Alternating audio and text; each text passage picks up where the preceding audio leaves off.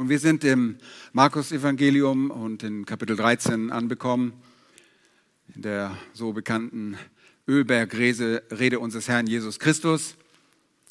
Und wir tasten uns dort langsam heran und gehen langsam darin voran. Ähm,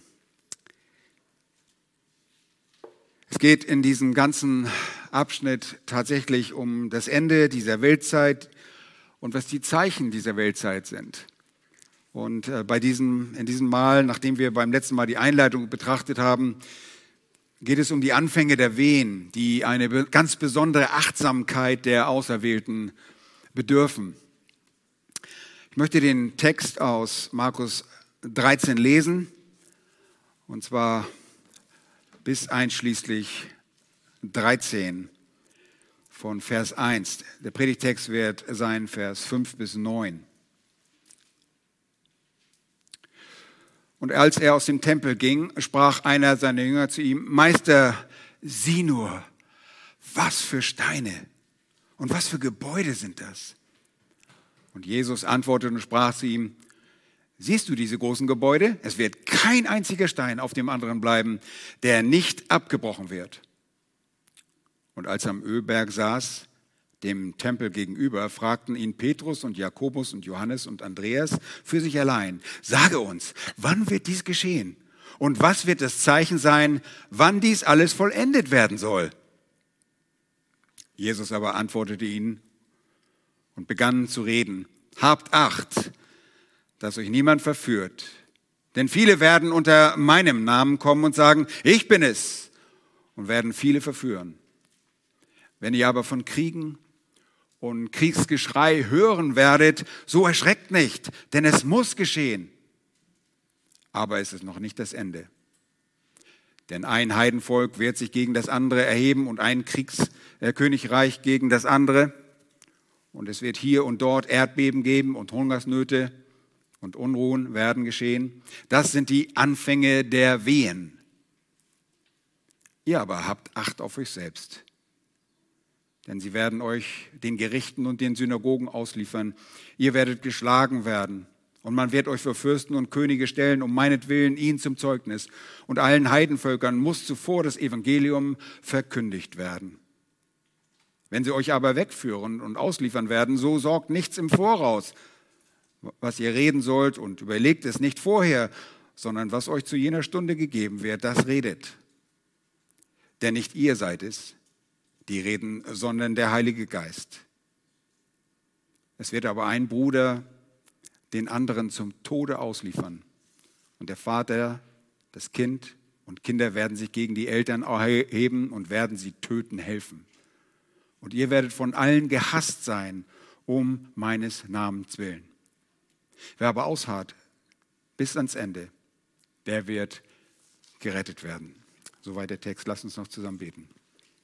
Herr, wir bitten dich jetzt, dass du dich erbarmst, dass wir verständige Hörer sind, dass wir begreifen, was du gesagt hast. Hab Dank dafür, dass du dich geoffenbart hast, dass wir Klarheit über die Dinge, die das Ende betreffen, Einsicht bekommen können, dass wir verstehen dürfen, was diese Zeiten ausmacht, auch wenn sie uns in vielerlei Hinsicht nicht unmittelbar betreffen, so ist es wichtig, dass wir diese Dinge erkennen. Wir danken dir, dass wir darin deine Treue sehen, deine Ernsthaftigkeit, deine Heiligkeit. Denn so wie du dein Volk gerichtet hast, so wirst du in Zukunft richten. In aller Härte, in aller Gerechtigkeit. Du bist der liebende Gott, aber du bist auch der zornige und gerechte Gott. Dich beten wir an. Rede zu uns um deines Namens willen. Amen. Nun, in meiner letzten Predigt zeigte ich euch, wie Jesus zu dem Jünger sprach, der über diese imposanten Steine und die Gebäude so in Staunen gekommen war. Und er sagte, siehst du diese großen Gebäude? Sagt Jesus dann zurück zu dem Jünger, es wird kein einziger Stein auf dem anderen bleiben, der nicht abgebrochen wird. Und es war eine Aussage des Herrn, die die Jünger Petrus, Jakobus, ja, Johannes und Andreas beschäftigte. und auch die übrigen.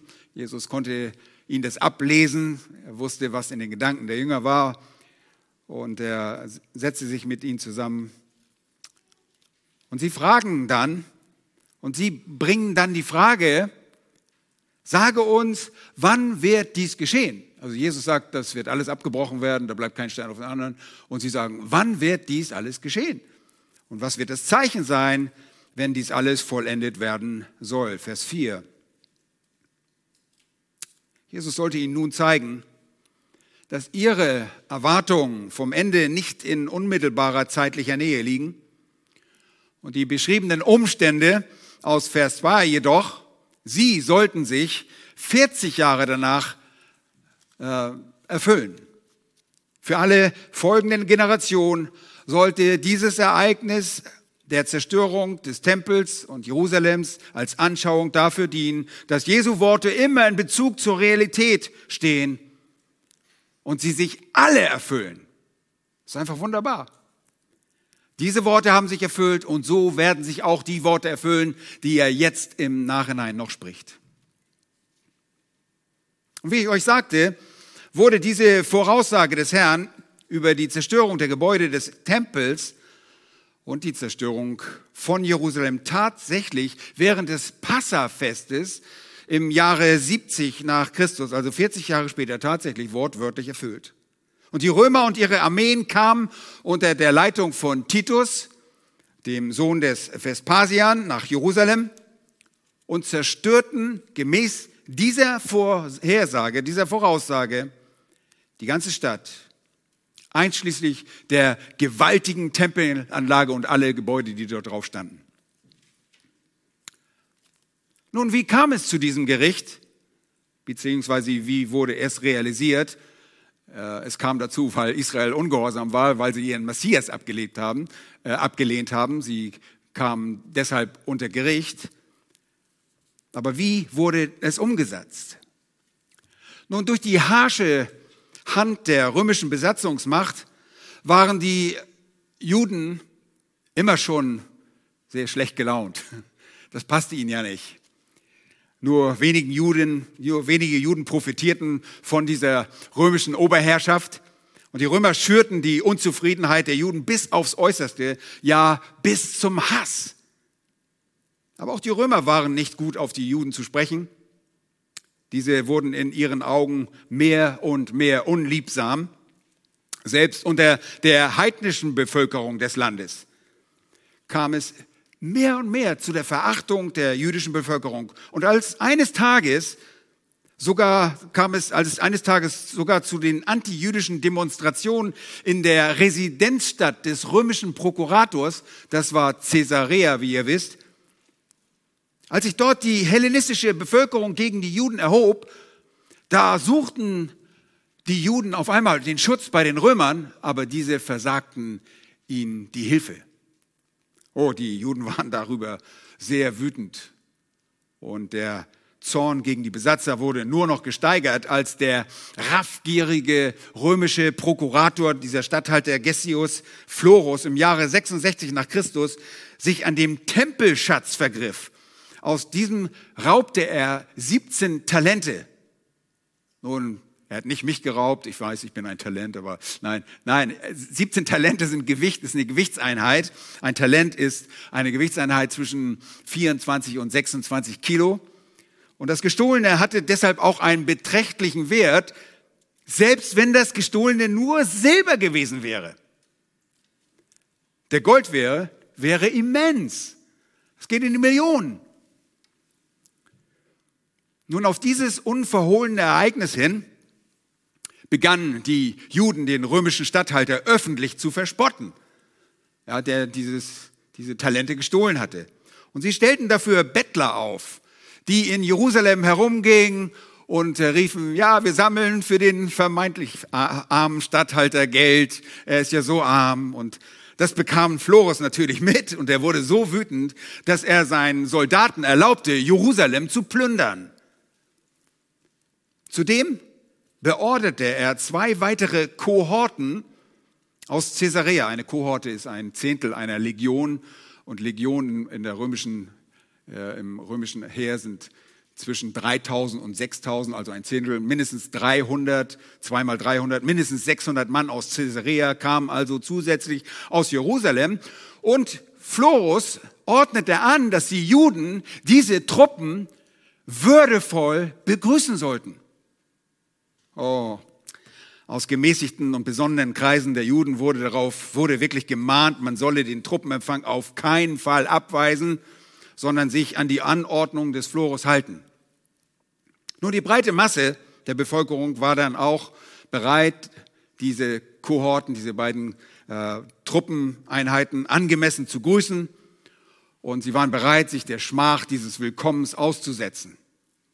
Nun, sie grüßten diese Truppen, aber diese Truppen grüßten nicht zurück, weil Florus es ihnen untersagt hatte.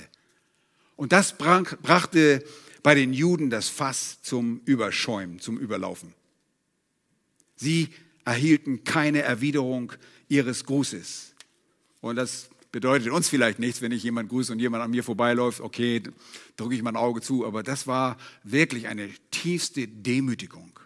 Und das gedemütigte Volk war so aufgebracht, dass man sich sofort auf dem Tempelberg traf, den ganzen Tempelbezirk sich unterwarf und diesen besetzte und kein einzige römische Präsenz mehr erlaubte. Und das kam für den Prokurator und seine Truppen sehr überraschend so dass sie sich schleunigst nach Caesarea zurückzogen und die Stadt Jerusalem frei von Römern war. Bis auf ein paar hundert verschanzte Soldaten in der Burg Antonia. Ihr erinnert euch, am Nordende gibt es eine Burg, die dort errichtet war zur Aufsicht. Dort gab es noch eine Kohorte. Nun, die Stadt war frei von ihren Fremdbeherrschern. Und die Aufständigen lösten damit viele Emotionen unter dem Teil des Volkes hervor, das sich zuvor gegen einen Widerstand ausgesprochen hatten, hatte. Und obwohl noch eine, immer, äh, immer noch einige Kreise zur Mäßigung mahnten, aber es geschah etwas Unwiderrufliches. Und das war die Einstellung der Opfer, die man für den Kaiser bis zu diesem Zeitpunkt täglich dargebracht hatte. Und die Juden setzten damit ein Zeichen für den Aufstand gegen Rom. Und schon bald wurde auch die Burg Antonia von den jüdischen Kämpfern eingenommen. Für eine kurze Zeit waren die Römer nicht in Jerusalem. Bei den Juden herrschte eine Euphorie, dass man selbst den hohen Priester, der gewöhnlich durch die pro-römisch gesinnten Sadduzäer berufen wurde, der noch bis zum Schluss mahnte, auch aus den eigenen Reihen tötete. Man wollte nichts mehr mit Rom zu tun haben. Und die Juden feierten diese ganze Aktion wie einen gewonnenen Unabhängigkeitskrieg. Sie waren augenscheinlich frei von ihren Besatzern, wussten aber genau, dass die Römer sich solchen Umgang nicht gefallen lassen würden. Und so bereiteten sich die Juden auf einen Gegenschlag der Römer vor, so gut wie es ihnen halt einfach nur möglich war. Und zu diesem Zweck wurde auch die äh, Gegend in Galiläa aufgebaut und befestigt. Die Städte wurden dort befestigt mit äh, Burgen oder Festungen. Und man beauftragte für diese Vorbereitung einen jungen Priester mit Namen Josephus, die Leitung dafür zu übernehmen. Es ist der, ganz genau, der jüdische Geschichtsschreiber Josephus, den wir so oft hier auch für unser Hintergrundwissen anführen. Man schickte diesen Josephus Flavius für die Beaufsichtigung und Leitung der Vorbereitung, also von Jerusalem nach Galiläa im Norden des Landes. Und wie vermutet, so handelten die Römer. Kaiser Nero berief den General Vespasien und seinen Sohn zum Krieg und sie gingen dann und äh, sie gingen dann in den Nahen Osten über Antiochien, kamen sie dann zunächst aus dem Norden Richtung Galiläa. Und ihr Lieben, die Aufständigen, Aufständigen in Aufständischen, die Aufständischen in äh, Galiläa waren so besorgt, als sie diese Truppen sahen, dass sie gleich aufgaben. Es gab ein paar Eiferer, ein paar Zeloten, die haben gesagt, wir kämpfen bis zum Schluss. Aber der Priester Josephus wollte sich ergeben nach einer 47-tägigen Verschanzung. Ähm, ergab er sich diesem General Neros Vespasian und er konnte ihn überzeugen, dass er am Leben blieb. Und so kommt Josephus, der Priester und dieser jüdische Geschichtsschreiber, und er kommt in das Lager der Römer und berichtet da deshalb auch über den jüdischen Krieg und jüdischen Kriege. Da haben wir ein dickes Band davon. Dann in 69 nach Christus wird Vespasian von seinen Soldaten berufen, zum Kaiser berufen. Und er selbst kehrte sofort nach Rom zurück und übergab die Fortführung des Krieges seinem Sohn Titus. Wenige Zeit später danach, und zwar genau zur Zeit des Passas, er war sehr gerissen, der Sohn der Titus, genau zum Passa, als alle Pilger auch immer noch nach Jerusalem pilgerten, im April des Jahres 70, rückte Titus mit sage und schreibe vier Legionen und starken Hilfstruppen an und umzingelte die Stadt mit ihren Einwohnern und den anwesenden Pilgern. Und die Belagerung der Römer führte durch natürlich modernere Kriegstechniken zu einer sehr baldigen Niederlage der Juden. Die dreifache Stadtmauer wurde durchbrochen, während die unermüdlichen Eiferer, die sogenannten Zeloten äh, der Juden, bis zum bitteren Ende kämpften. Gefangene wurden von den Römern hundertfach außen auf den Wellen, auf den errichteten Wellen gekreuzigt, so dass jeder sie auch gut sehen konnte. Aller Widerstand wurde letztlich gebrochen und die Juden dann zu Tausenden getötet, mit Kind und Kegel. Und das wunderschöne Bauwerk des Tempels ging in Feuer auf. Titus konnte wohl noch gerade rechtzeitig den siebenarmigen Leuchter und den Schaubrottisch aus dem Heiligtum sicherstellen und nahm diese Geräte des Tempels, so sagt man, als Art Siegestrophäe für einen Siegeszug mit nach Rom. Lieben, das könnt ihr dort noch sehen, wenn ihr nach Rom kommt. Der Titusbogen, der Triumphbogen des Titus äh, in Rom zeugt heute noch von diesem Ereignis in der Geschichte. Man kann dort diesen siebenarmigen Leuchter abgebildet sehen an diesem Bogen. Und das war fast das Ende der Juden zu diesem Zeitpunkt, denn ihr wichtigster Anbetungsort war seitdem nicht mehr vorhanden. Und alles geschah genau wie Jesus es ihnen auf dem Ölberg an diesem Mittwoch der Leidenswoche gesagt hatte. Ihr erinnert euch, wir haben auch in das Matthäus-Evangelium gesehen, siehe, euer Haus wird was? Wird verwüstet gelassen werden. Und es geschah, wie er auch schon am Montag sagte, da heißt es, denn es werden Tage kommen von Jesus über die äh, Stadt, sagt er, über dich kommen, da deine Feinde einen Wall um dich aufschütten, dich ringsum einschließen und von allen Seiten bedrängen werden. Und sie werden dich dem Erdboden gleich machen und deine Kinder in dir, auch deine Kinder in dir und in dir keinen Stein auf dem anderen lassen, weil du die Zeit deiner Heimsuchung nicht erkannt hast. Und damit meinte er sein Kommen. Sie hatten ihn, den Messias, getötet, beziehungsweise werden ihn jetzt töten. In zwei Tagen wird er sterben. Alles, was Jesus sagte, entsprach der Realität und wird Realität. Und hier ist eine Vorschattung von dem, was in der Zukunft geschehen wird. Es wird genauso eintreffen, was Jesus in den übrigen Versen dieses Kapitels sagt. So werden diese Dinge zur Realität. Und so wenden wir uns der Antwort Jesu zu, nachdem die Jünger fragten, sage uns, wann wird dies geschehen und was wird das Zeichen sein, wenn dies alles vollendet werden soll. Und wir gehen langsam in der Markus-Passage voran. Und ich versuche euch ein sehr komplexes Thema möglichst einfach darzustellen.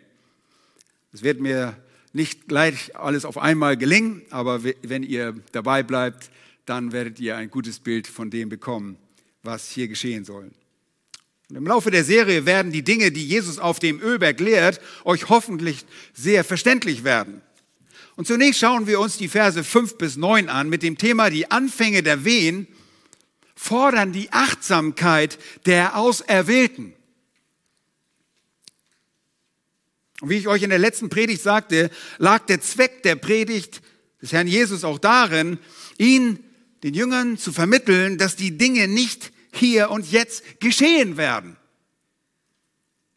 Das war in ihrem Denken. Sie wollten das Reich sofort antreten. Und das ist wichtig in Markus 13 in der Ölbergpredigt. Die Jünger sollten alle erfahren und zur Kenntnis nehmen, es geschieht nicht hier und es geschieht nicht jetzt und ihr ehrt, wenn ihr das glaubt. Diese Dinge machen viel mehr die Anfänge der Wehen aus und beziehen sich auf fernliegende Tage.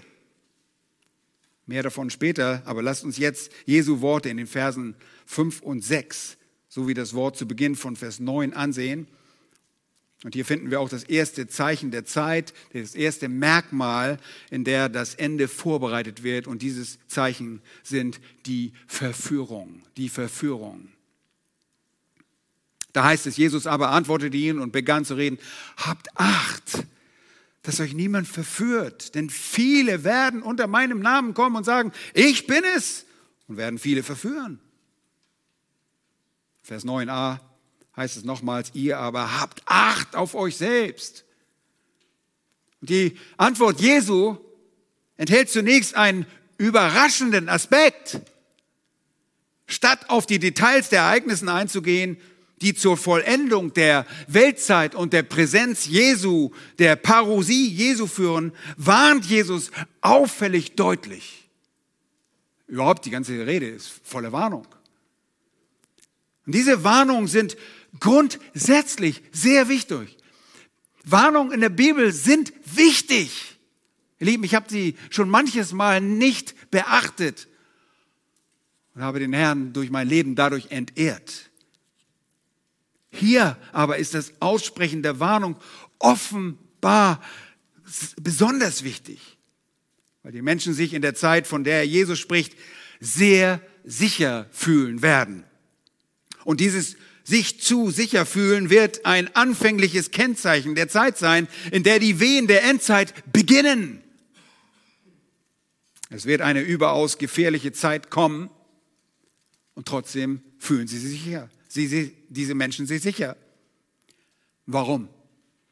Denn es wird auf Erden einen Frieden geben, der die Menschen im Vergleich zu den übrigen Verführungen der Vorzeit sehr viel größere Fragen mit sich bringt, größere Auswirkungen haben wird.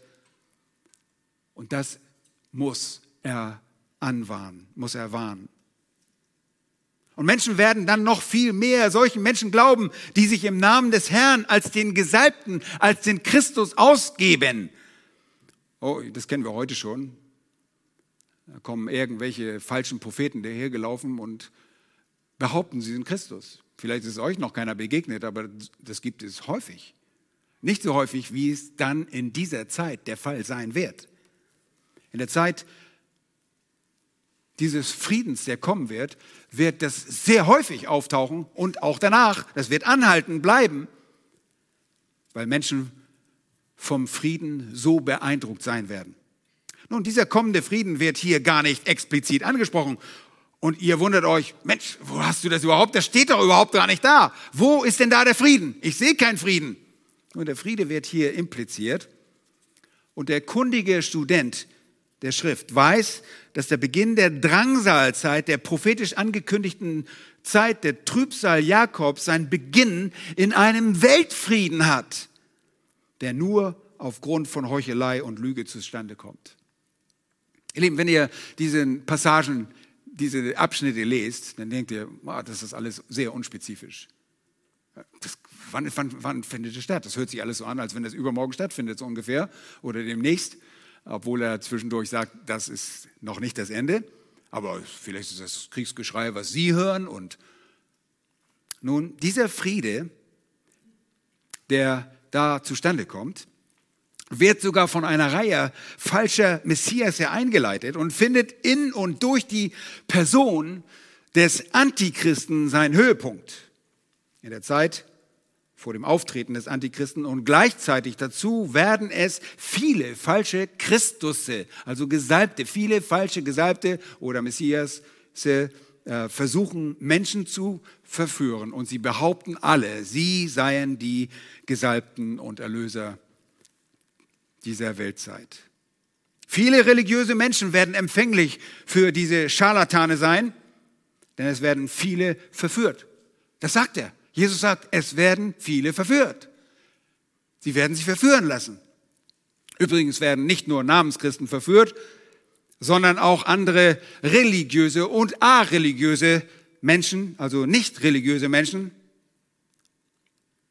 Übrigens auch im Islam wird es Verführung, die wird mit einbezogen, der ganze Islam, denn auch der Islam wartet auf einen gewissen Mahadi, das ist arabisch und Al-Mahadi bedeutet der Rechtgeleitete.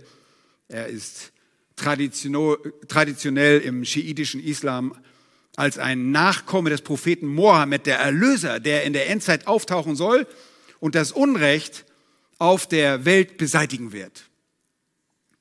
Und die Erwartung auf das Erscheinen des Mahdi existiert auch in den Reichserwartungen des sunnitischen Islams, also die Schiiten und Sunniten.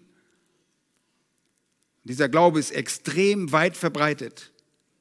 Und er findet dort in den maßgeblichen Traditionen, den sogenannten Hadithen, seinen Niederschlag. Und wisst ihr, wer gemäß dem islamischen Glauben dabei sein wird? Jesus. Jesus. Jesus, der in ihren Augen ein Prophet war, der bisher nicht gestorben ist. Er wird mit dem Mahdi zusammen auftauchen, aber Jesus wird gemäß ihrem Irrglauben letztlich sterben.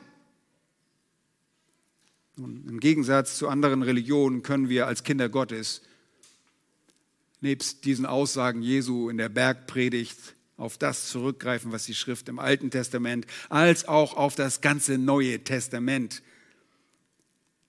beleuchten, was zu diesem dieser Zeit gesagt wird. Und so müssen die Auserwählten, die Kinder Gottes, die unmittelbar nach der Entrückung der Gemeinde noch zum Glauben kommen, zu Beginn der Drangsal, die durch Frieden gekennzeichnet sein wird, denn auf sie bezieht sich diese Zeit. Sie müssen Acht haben. Acht haben auf sich selbst, um den Verführungen jener Zeit nicht zum Opfer zu fallen. Nun, wir müssen auch Acht haben, dass wir nicht glauben, dass wir schon in der äh, Drangsalzeit sind. Das gab es auch schon zu biblischen Zeiten bei den Thessalonichern, die dachten, der Tag des Herrn hatte schon begonnen. Das ist nicht der Fall, auch mit Corona nicht, keine Angst. Für die Jünger steht hier die Warnung zur Achtsamkeit im Vordergrund. Und sie sollten es später verstehen. Ich bin, mir davon, ich bin davon überzeugt, dass sie in diesen Momenten nichts davon verstanden.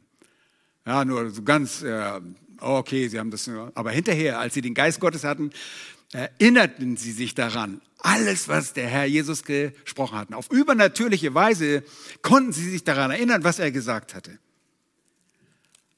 Sie wussten nicht, was der heilsgeschichtliche Fortgang sein würde. Aber als die Salbung, der Heilige Geist in sie einkehrte und dieser selbst sie belehrte, bekamen sie das volle Bild. Und nach dem Gesamtzeugnis der biblischen Aussagen wird ein Antichrist auftreten, der große Verführer der noch kommende Zeit zu Beginn der Drangsal Jakobs, von der auch Daniel spricht, der Prophet Daniel, unser Daniel auch, wenn wir ihn reden lassen. Und er wird, es wird kriegerische Auseinandersetzungen äh, geben, aber er wird sie beenden. Und er wird einen großen, wenn gleich auch einen sehr kurzlebigen Frieden bringen. Und das, hört mal zu, ohne den Einsatz von Waffengewalt. Er schafft diesen Frieden und gemäß alttestamentlicher Prophetie ist ihm das durch seine Diplomatie möglich, durch Verhandlungen, so dass er Verträge macht, die zum Frieden führen. Besonders wichtig dabei der Bund, den er mit Israel schließen wird. Er wird dazu in der Lage sein, nachdem sich die Nationen an Israel die Zähne ausgebissen haben. Und von diesem anfänglichen Weltfrieden schreibt der Apostel Johannes dann später deutlicher, weil der Herr ihm das einige Jahre später in der Offenbarung detailliert zeigt. Seht ihr, im Moment sitzt Johannes dort zu Füßen des Herrn Jesus und er versteht, versteht wahrscheinlich nur Bahnhof. etwas über 60 Jahre später, kriegt er Klarheit und darf diese Dinge sehen. Hier aus den Worten Jesu an dieser Stelle des Markus-Evangeliums und auch aus den Synoptikern allein werden die Dinge, die geschehen werden, nicht allein ersichtlich. Wir wollen deshalb das heranziehen, was auch Johannes sehen durfte. Wir gehen also mal zu diesen Gerichten, besonders zu den Siegelgerichten der Offenbarung in Kapitel 6. Bitte schlagt eure Bibeln dazu auf. In der Offenbarung Kapitel 6. Die Offenbarung Jesu, es ist, er wird darin geoffenbart, deshalb sage ich Offenbarung Jesu Christi. Manchmal sagen wir einfach die Offenbarung des Johannes, weil er der Autor ist und weil er gesehen hat, aber wirklich Jesus wird hier offenbart.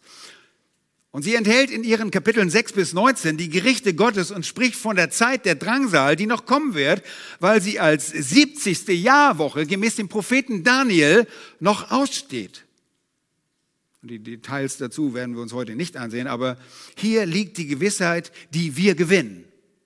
Die Prophetien der Offenbarung erfüllten sich nicht in dem Jahr 70 nach Christus. Das glauben einige. Es gibt sogar Leute, die glauben, dass Jesus in 70 nach Christus wiedergekommen ist. Das haben sie nicht getan.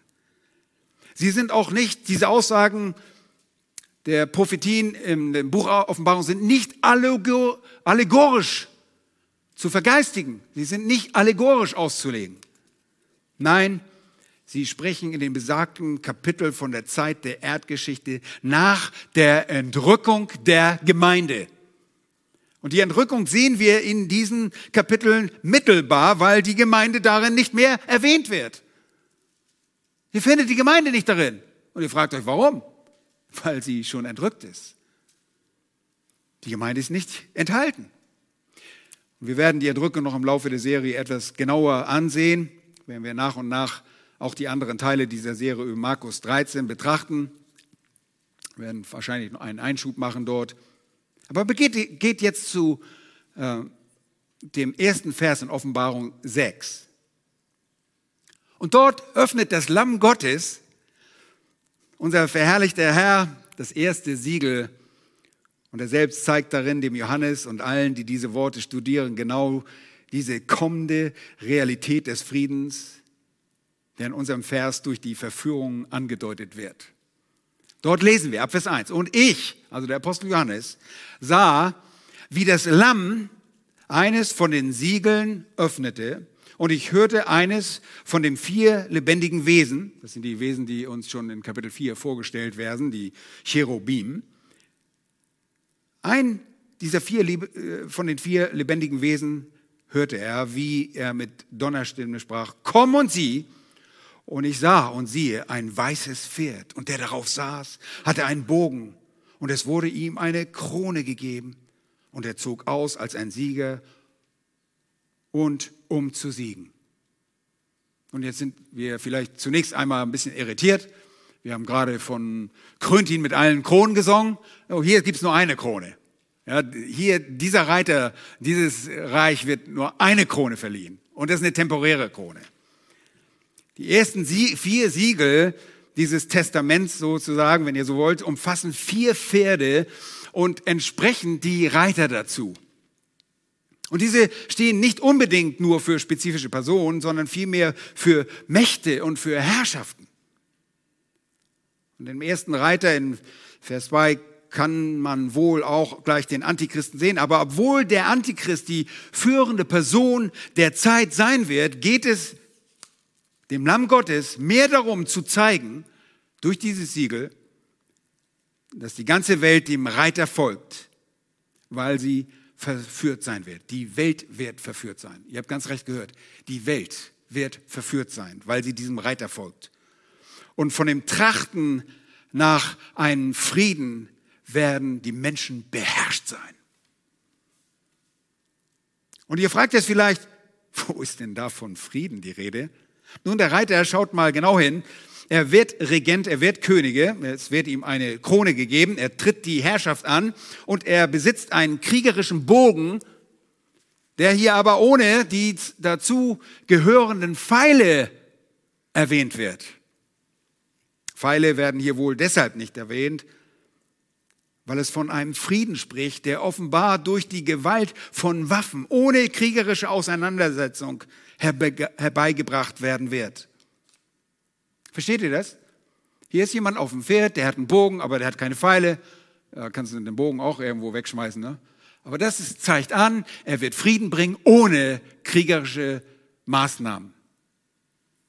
Der Herrscher bringt einen Frieden durch Verhandlungen und durch geschickte Diplomatie. Und wir werden gleich sehen, dass es da tatsächlich geben, äh, Frieden geben wird. Das macht uns auch das zweite Siegel deutlich. Aber warten wir noch. Die Welt, die dadurch so beeindruckt sein wird, lässt sich auf diesen Führer ein, auf diesen Antichristen und glaubt all seinen Täuschungen.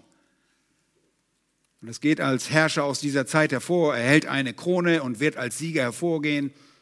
Und er ist dazu bestimmt zu siegen. Nicht permanent, aber für diesen Schlacht und für einige mehr. Und der Sieg liegt zunächst in dem waffenlosen Machtgewinn. Und er wird sich aber nur kurz darauf in Gewalt und es wird sich kurz darauf in, in Gewalt und kriegerische Siege verändern. Also, hier musste gewarnt werden. Frieden, oh, jeder schreit nach Frieden, wir wollen Frieden. Und jetzt kommt einer und der schafft diesen Frieden und alle sind begeistert und glauben ihm alles. Habt Acht auf euch selbst. Und Jesus spricht die Jünger an als Stellvertreter für die Generation, die dort leben wird. In der Zeit. Lass uns weiterlesen, was in Markus 13, den Versen 7 und 8a geschieht wo wir das zweite Zeichen, das nächste Kennzeichen der Anfangswehen sehen. Das sind die Kriegsaktivitäten, Verse 7 und 8a. Der Frieden ist offenbar sehr kurzlebig, denn Jesus fährt fort, indem er von den Auseinandersetzungen der Völker redet. Und er, der Herr Jesus, gibt dabei den Auserwählten jener Zeit, den jungen Heiligen, das müssen sie sein, die, die kommen nach der Entrückung zum Glauben, einen entscheidenden Hinweis. Wenn es nach dem Weltfrieden also zu dem falschen äh, Weltfrieden des menschlichen Weltbeherrschers kommen wird, dann folgen viele kriegerische Auseinandersetzungen. Aber Achtung, worauf deuten diese kriegerischen Auseinandersetzungen nicht? Das Ende. Sie aber sind noch nicht das Ende, steht dort. Sie sind nicht das Ende, nachdem bereits die Jünger Jesu fragten. Die Auserwählten in jener Zeit sollen nicht glauben, dass die Kriege, die zu Beginn dieser Drangsal stattfinden, bereits das Ende bedeuten. Oh nein, das sind sie nicht. Wir lesen in Versen 7, 8a. Wenn ihr aber von Kriegen und Kriegsgeschrei hören werdet, so erschreckt nicht, denn es muss geschehen, aber es ist noch nicht das Ende. Denn ein Heidenvolk wird sich gegen das andere erheben und ein Kriegsreich gegen das andere. Und der Herr scheint mit diesen Worten die Jünger zu meinen. Er spricht sie ja an. Denn er sagt, wenn ihr aber, ja, das nimmt man zunächst mal persönlich, wenn man das so hört, ja, sie hörten sicherlich auch, auch von Kriegen und von Kriegsgeschrei dazu, so auch wie auch wir. Wir hören auch von Kriegen und wahrscheinlich mehr als jede andere Generation vor uns, denn wir haben die Medien. Ständig werden irgendwelche äh, Kriege eingeblendet und Auseinandersetzungen. Nein, er spricht sie als Repräsentanten der Auserwählten an, für die diese Dinge eines Tages zutreffen. Gläubige, die sich an den Worten in der Schrift künftig genauso orientieren werden, so wie sie sich schon die, wie es schon die Gläubigen durch die Zeiten zuvor es taten und immer noch tun. Die Gläubigen, die dann leben, die werden die Bibel aufschlagen und die werden genau hineinschauen und werden sehen, das ist nicht das Ende. Schon immer hörten Menschen von Kriegen. Und auch wir wissen von Kriegen, aber das ist nicht gemeint. Und diese Kriege, die Sie dann hören werden, das sind Kriege, die ständig stattfinden, hier und dort und an Intensität zunehmen werden. Ob sie nun äh, Königreiche oder andere Regierungsformen sind, hier wird unterschieden, sie werden sich gegeneinander erheben, um schreckliche Kriege miteinander zu führen. Und in der Offenbarung sehen wir bei der Eröffnung des zweiten Siegels genau diese kriegerischen Tatsachen. dass sie dem Frieden folgen. Kapitel 6, 3 und 4. Schaut bitte hinein. Offenbarung 6, 3 und 4. Und als es, das ist das Lamm, das zweite Siegel öffnete, öffnet, hörte ich das zweite lebendige Wesen sagen, komm und sieh. Und es zog ein anderes Pferd aus, das war feuerrot. Und dem, der darauf saß, ihm wurde gegeben, was zu nehmen? Den Frieden von der Erde zu nehmen. Das setzt voraus, dass es Frieden gegeben hat. Damit sie einander hinschlachten sollten. Oh, das ist, das ist Metzgersprache. Und es wurde ihm ein großes Schwert gegeben. Seht ihr, das Lamm Gottes, das gerade in der Gestalt eines Sklaven mit seinen Jüngern auf dem Ölberg sitzt und bereit ist, als das Lamm Gottes zu sterben, gestattet dem Reiter den Frieden.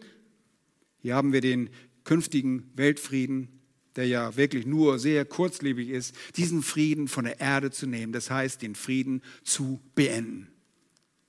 In Gottes Vorsehung muss das so geschehen. Denn der Krieg ist Ausdruck des Zornes Gottes, der über diesen Erdkreis und auch besonders über das ungläubige Israel kommen soll. Und es folgt eine Zeit des regelrechten Hinschlachtens. Und die Gläubigen jener Zeit sollen dabei nicht erschrecken und nicht nur erschrecken, denn so muss es geschehen und so hat es der allweise Gott des Himmels und der Erde vor Grundlegung der Welt bestimmt. Das Ende ist mit diesen Hinschlachten nicht gekommen und so werden die Auserwählten achtsam sein müssen, auf der Hut bleiben müssen und sich nicht durch die Schrecken der Zeit beirren lassen. Und gleichzeitig werden immer wieder falsche Christusse auftreten und sagen, wir haben die Lösung, wir sind der Christus, wir werden, und sie werden viele verführen. Es ist nicht das Ende, sondern wie uns Vers 8 in der zweiten Hälfte des Verses aufzeigt, sind diese Dinge die Anfänge der Wehen. Und wir haben einige Mütter bei uns, die noch genau wissen, was das bedeutet. Ihr Lieben, das Bild, die verwendete Analogie ist so passend. Die Realität von Wehen ist in Vorbereitung auf eine Geburt zu einem Nutzen gut und ist ein universell, äh, das zu nutzen ist, ist wirklich universell verständlich. Seit dem Sündenfall wissen schwangere Frauen um die Schmerzen und schmerzhaften Wehen. Schwangere Frauen und ihre Erfahrungen von schmerzhaften Wehen sind seit Anbeginn der Menschheit ein immer anwesendes Phänomen und eine Folge des Sündenfalls. Und eine schwangere Frau bekommt auch während, ich müsste Esther hier nach vorne bin, aber ich mache das mal lieber selber heute, äh, während der Schwangerschaft vorbereitend vor, auf die Geburt bekommt es Wehen. Wehen, die die angehende Mutter oftmals nicht spürt. Aber sie bereiten die Muskeln für die intensive Erfahrung des Gebärens durch den Muttermund und die Vagina vor. Und dann kommen Vorwehen oder auch Senkwehen, die das ungeborene Kind in die richtige Lage und Position bringen. Auch Robert könnte diesen Vortrag halten, der das gerade hinter sich gebracht hat mit seiner Frau. Nun, diese Wehen die am Ende kommen, die sind besonders heftig und sehr häufig hintereinander. Hier sind es Anfangswehen. Es ist noch nicht das Ende. Hier fangen die vorbereitenden Wehen an, wie bei einer Frau. Die Muskeln werden gestärkt, damit für das heftige Erlebnis bei einer Geburt die Frau bereit ist, das Kind auszutreiben, auszupressen, Presswehen und dabei muss die Frau ordentlich mithelfen. Es ist nicht das Ende sondern der Beginn der Drangsal, die über Jakob, Israel und die ungläubigen Nationen kommen muss. Diese Kriege erschreckt nicht. Bei den kriegerischen Auseinandersetzungen wird deutlich laut Offenbarung 6, Vers 4, dass dem Reiter ein großes Schwert gegeben wurde. Und er besitzt außerordentliche militärische Macht und es wird viel Tod geben. Er ist überaus siegreich in seinen Kämpfen. Nun hinzu zu diesen ersten beiden Kennzeichen kommen in Vers 8b die Erdbeben. Und da heißt es, und hier wird es hier und dort Erdbeben geben. Und sagt ihr vielleicht wieder, der ein oder andere, diese Erdbeben, die kennen wir schon lange.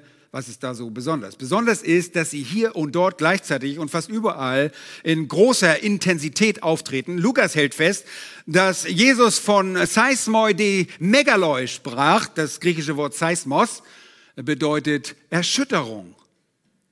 Und von diesem Wort haben wir auch den sogenannten Seismographen oder Seismometer. Erschütterung. Das ist eine Maschine, die Grafo macht, die aufschreibt, Grafik, ja, die das aufschreibt, wie stark eine Erschütterung der Erde ist. Und hier spricht er von Megaloi. Hey, das ist mega cool. Wir alle kennen Mega. Das ist groß. Das sind große Erschütterungen. Das sind nicht kleine Erdvibrationen, sondern es sind ausschließlich sind große Erdbeben, die hier und dort geschehen, mit einer Intensität, wie sie vor, zuvor nicht bekannt waren. Und es wird eine furchtvolle Zeit für die Menschen der Erde sein, denn die Erdbeben sind weder voraussehbar, noch kann man ihnen irgendwie entkommen. Es sei denn, man fliegt gerade im Flieger, dann muss man ständig um die Erde umkreisen.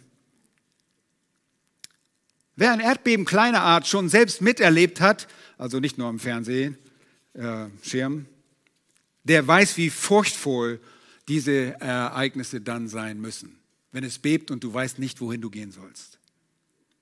Das ist ein weiteres Zeichen, das noch nicht das Ende bedeutet. Viertens, ferner sagt Jesus, dass zu diesen Anfängen der Wehen auch die Hungersnöte gehören. Die Hungersnöte. Achtet noch einmal genau auf diesen dritten Aspekt des Satzes, denn ein Heidenvolk wird sich gegen das andere erheben und ein Königreich gegen das andere. Und es wird hier und dort Erdbeben geben und Hungersnöte und Unruhen werden geschehen. Eine Folge von kriegerischen Auseinandersetzungen und großen Erdbeben sind Hungersnöte. Und das erleben wir auch in der heutigen Zeit in einem vergleichsweise kleinen Ausmaß. Wenn Kriege wüten und die Erdbeben stattgefunden haben, dann kommt die Agrarwirtschaft ins Stocken und die Folgen davon sind nur klar. Bitte schaut einmal in Offenbarung Kapitel 6. Behaltet euren Finger bei den Siegelgerichten. Verse 5 und 6. Achtet dort auf den Inhalt des dritten Siegels. Und als es, es, das ist wieder das Lamm, das dritte Siegel eröffnete, hörte ich das dritte lebendige Wesen sagen, komm und sieh. Und ich sah und siehe ein schwarzes Pferd. Und der darauf saß, hatte eine Waage in seiner Hand. Und ich hörte eine Stimme inmitten der vier lebendigen Wesen, die sprach, ein Maß Weizen für einen Denar und drei Maß Gerste für einen Denar. Doch das Öl und den Weizen schädige nicht. Nun, die auftretende Teuerung, nämlich dass man ein Denar, das ist der durchschnittliche Tageslohn eines Arbeiters jener Zeit, wenn man ein Denar, ein Konix, ein Koinix, ein knappes Kilo Weizen äh, dafür bezahlen muss, für, stellt euch vor, ihr habt ein Kilo Weizen und ihr müsst einen ganzen Tageslohn dafür abgeben, oder drei Konikes, sind 3,3 ist eigentlich ein Hohlmaß, ein, ein Volumen, Gerste zahlen müsst, dann spricht man von einer Lebensmittelknappheit und den daraus resultierenden Hungersnöten. Nur das Öl und der Wein sollten unter diesen Umständen nicht leiden, vielleicht weil diese Elemente offenbar für den Fortgang von Leben überhaupt sehr wichtig waren. Das Öl brauchte man zum Backen, ähm, und äh, Wein wurde zum Desinfizieren benutzen, benutzt. Also fangt mir nicht an, zu Wein zu trinken und sagt, ich muss mich gerade desinfizieren. Aber das war damals durchaus gang und gäbe. Und die in Vers 8 aufgeführten Unruhen in der Schlacht der 2000 sind in einigen und besseren Handschriften nicht vorhanden. Ähm, in diesem, nur für den Fall wären das auch nur Wiederholungen der Auseinandersetzungen, die wir schon in Vers 7 sehen. Aber es gibt eine andere wichtige Komponente, die schon in der ersten Hälfte der Drangsal kennzeichnend äh, ist. Und das ist, und diese kommt über den ganzen Erdkreis und spielt eine gewichtige Rolle. Und das sind die Verfolgungen. Und die werde ich heute Nachmittag nur anreißen, aber da heißt es, ihr habt, habt Acht auf euch selbst, denn sie werden euch den Gerichten und den Synagogen ausliefern. Und ihr werdet geschlagen werden und man wird euch vor Fürsten und Königen stellen, um meinetwillen, ihnen zum Zeugnis. Auch die Folgeverse 10 bis 13, 11 bis 13 handeln von diesen Verfolgungen und geben auch eine genauere Beschreibung dieser Verfolgung, aber darauf gehen wir dann nächstes Mal ein. Hier sei nur erwähnt, dass diese Verfolgungen einen weitreichenden Charakter haben werden, bei der die Auserwählten Gottes, wie sie später in diesem Kapitel auch genannt werden, den Gerichten der Heiden sowie den Gerichten der Juden übergeben werden. Seht ihr, es wird offenbar eine Verfolgung durch die Heiden geben und eine Verfolgung durch die Juden. Und hier wird zwischen Gerichten und Synagogen unterschieden. Und die Gläubigen, das heißt die Auserwählten, werden geschlagen werden und vor den Regierungen der Länder ihren Repräsentanten, ob Fürsten oder Königen, gestellt, damit ihnen Zeugnis von Jesus Christus gegeben wird. Und wie wir noch sehen werden, bleibt es nicht nur bei den Schlägen, sondern viele der Auserwählten werden dem Tod preisgegeben werden. Nun bitte schaut zum Thema der Verfolgung wiederum in die Offenbarung, zu dem Jesus mindestens also 60 Jahre später Folgendes durch das Öffnen des vierten und fünften Siegel eindeutiges offenbart. Offenbarung 6, dort Vers 7. Und als es das vierte, das Lamm, das vierte Siegel öffnete, hörte ich die Stimme des vierten lebendigen Wesens sagen, komm und sieh. Und ich sah und siehe ein fahles Pferd und der darauf saß, dessen Name ist der Tod. Und das Totenreich folgt ihm nach. Und ihnen wurde Vollmacht gegeben, über den vierten Teil der Erde zu töten mit dem Schwert und mit Hunger und mit Pest und durch die wilden Tiere der Erde.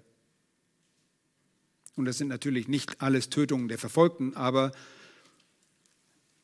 Lesen wir mal Vers 9. Und als es das fünfte Siegel öffnete, sah ich unter dem Altar die Seelen derer, die hingeschlachtet worden waren. Das sind Gläubige. Um des Wortes willen. Sie wurden geschlachtet um Christi willen, um des Wortes willen und um des Zeugnisses willen, das sie hatten. Und sie riefen mit lauter Stimme und sprachen, wie lange, o oh Herr, du Heiliger und Wahrhaftiger, richtest du nicht und rächst nicht unser Blut an denen, die auf der Erde wohnen? und jeden von ihnen wurden weiße Kleider gegeben. Und es wurde ihnen gesagt, dass sie noch eine kleine Zeit ruhen sollten. Erinnert, es ist noch nicht das Ende. Bis auch die, ihre Mitsklaven und ihre Brüder vollendet wären, die auch wie sie getötet werden sollten. Eine große Anzahl von Märtyrern könnt ihr auch in, in, in dem nächsten Kapitel sehen, Kapitel 7, die aus der Drangsal Jakobs kommen. Und bei dem Töten des vierten Teiles der Erdbevölkerung starb auch eine riesige Zahl der Auserwählten. Und das durch ein regelrechtes Hinschlachten. Diese Zeit fordert von den Auserwählten größte Achtsamkeit und ganze Hingabe. Denn nicht nur Verführung, sondern die Grausamkeiten ihnen gegenüber werden überhand nehmen. In Vers 8 hat der Reiter des Reich des Antichristen Vollmacht, ein Viertel der Erdbevölkerung zu töten. Puh, das ist Wahnsinn. Und wie? Durch das Schwert zum einen, das ihm im zweiten Siegel in Vers 4 gegeben wurde. Und der Antichrist ist ein Verehrer des Gottes der Festungen und wird gegen Festungen kriegerische vorgehen. Er wird die Auserwählten verfolgen, töten und töten lassen. Zudem werden Menschen nebst dem Tod durch das Schwert auch durch Hunger und Pest sowie durch wilde Tiere der Erde getötet werden. Einfach schreckliche Zeiten. Wie viele Menschen sterben dann laut des vierten Siegels? Ein Viertel der Erdbevölkerung. Das ist bei dem heutigen Stand der Erdbevölkerung fast zwei Milliarden Menschen. Leute, wir haben noch nichts gesehen, gar nichts. Nichts. Aber das ist nicht das alles. Muss geschehen und es ist auch noch nicht das Ende. Und wahrscheinlich konnten die Jünger zu diesem Zeitpunkt vor dem Tod ihres Meisters diese Dinge nicht verkraften und so wartete der Herr in seiner Gnade bis zu seiner Erhöhung und offenbart sich dann Johannes später, als dieser auf der Insel Patmos in seinem Gefängnis ist, durch die Offenbarung. Jetzt ist er ein alter Mann, verständiger und selbst er ist noch erschrocken und überwältigt von dem, was er sieht. Und dann kommen die sogenannten Posaunengerichte und die Zorneschalen, die das Ganze nochmals dramatisch steigern, aber die auch parallel dazu kommen. Und wir lesen zunächst in der Offenbarung Kapitel 6, 12 weiter. Und ich sah, als es das sechste Siebel öffnete und sie ein großes Erdbeben entstand. Und die Sonne wurde schwarz wie ein härener Sack, also aus Haaren, ein Sack wie aus Haaren, Kamelhaaren oder was weiß ich, Ziegenhaar. Und der Mond wurde wie Blut. Und die Sterne des Himmels fielen auf die Erde, wie ein Feigenbaum seine unreifen Früchte abwirft, wenn er nach einem starken Wind geschüttelt wird. Und der Himmel entwich wie eine Buchrolle, die zusammengerollt wird. Und alle Berge und Inseln wurden vor ihrem Ort weggerückt und die Könige der Erde und die Großen und die Reichen und die Heerführer und die Mächtigen und alle Sklaven und alle Freien verbargen sich in den Klüften und in den Felsen der Berge. Kein guter Platz, wenn es Erdbeben gibt. Und sie sprachen zu den Bergen und zu den Felsen, fallt auf uns und verbergt uns vor dem Angesicht dessen, der auf dem Thron sitzt und vor dem Zorn des Lammes. Denn der große Tag seines Zorns ist gekommen und wer kann bestehen? Und dieser Tag, wie Daniel vorhin schon sagte, ist nicht ein einziger Tag, sondern ist der Tag des Herrn. Der ist die Ausgießung seines Zorns, der sich über diese Zeit, diese sieben Jahre hinzieht. Und nach dem sechsten Siegel folgt dann ein Hiatus, ein, eine, eine Pause, eine kleine Kluft, eine, äh, ein Einschub. Und es geht in Kapitel 8 weiter. Und es ist eine teleskopartische Anordnung hier. Äh, die, das letzte Siegel enthält die Posaunengerichte, das letzte Posaunengericht enthält die Zorneschalen und so treten sie gewissermaßen zusammen auf. Ähm, wir gehen da noch beim nächsten Mal etwas näher auf, darauf ein. Leben, was können wir daraus gewinnen? Wir wissen, dass alles, was Gott tut, seine Gerichte sind gerecht, er wird tun, was er verheißt. Und wir sollten Menschen warnen, nicht nur vor der ewigen Hölle, sondern auch vor den Zeiten, die kommen werden. Es sind keine schönen Zeiten für ungläubige Menschen. Aber sie sollen auch den erhöhten Herrn sehen. Keiner von uns will durch die Drangsal gehen und schon gar nicht am Ende der Zeit mit dem Satan in den feurigen See geworfen werden. Beim nächsten Mal sehen wir uns den bleibenden Trost inmitten der Anfangswegen von Verfolgung an in den Versen 10 bis 13. Lasst uns jetzt zusammen beten. Herr, wir danken dir für den Einblick, den du uns gibst und auch den Jüngern gegeben hast, den Gläubigen gegeben hast, was in der Zukunft geschehen muss. Herr, weil es deiner Gerechtigkeit entspricht. Herr, du bist der gerechte Gott und wir alle haben aufgrund unserer Sünde die ewige Verdammnis verdient, aber du bist der Gerechte für uns zur Gerechtigkeit geworden, indem du uns unsere Sünde, unsere Schuld bezahlt hast.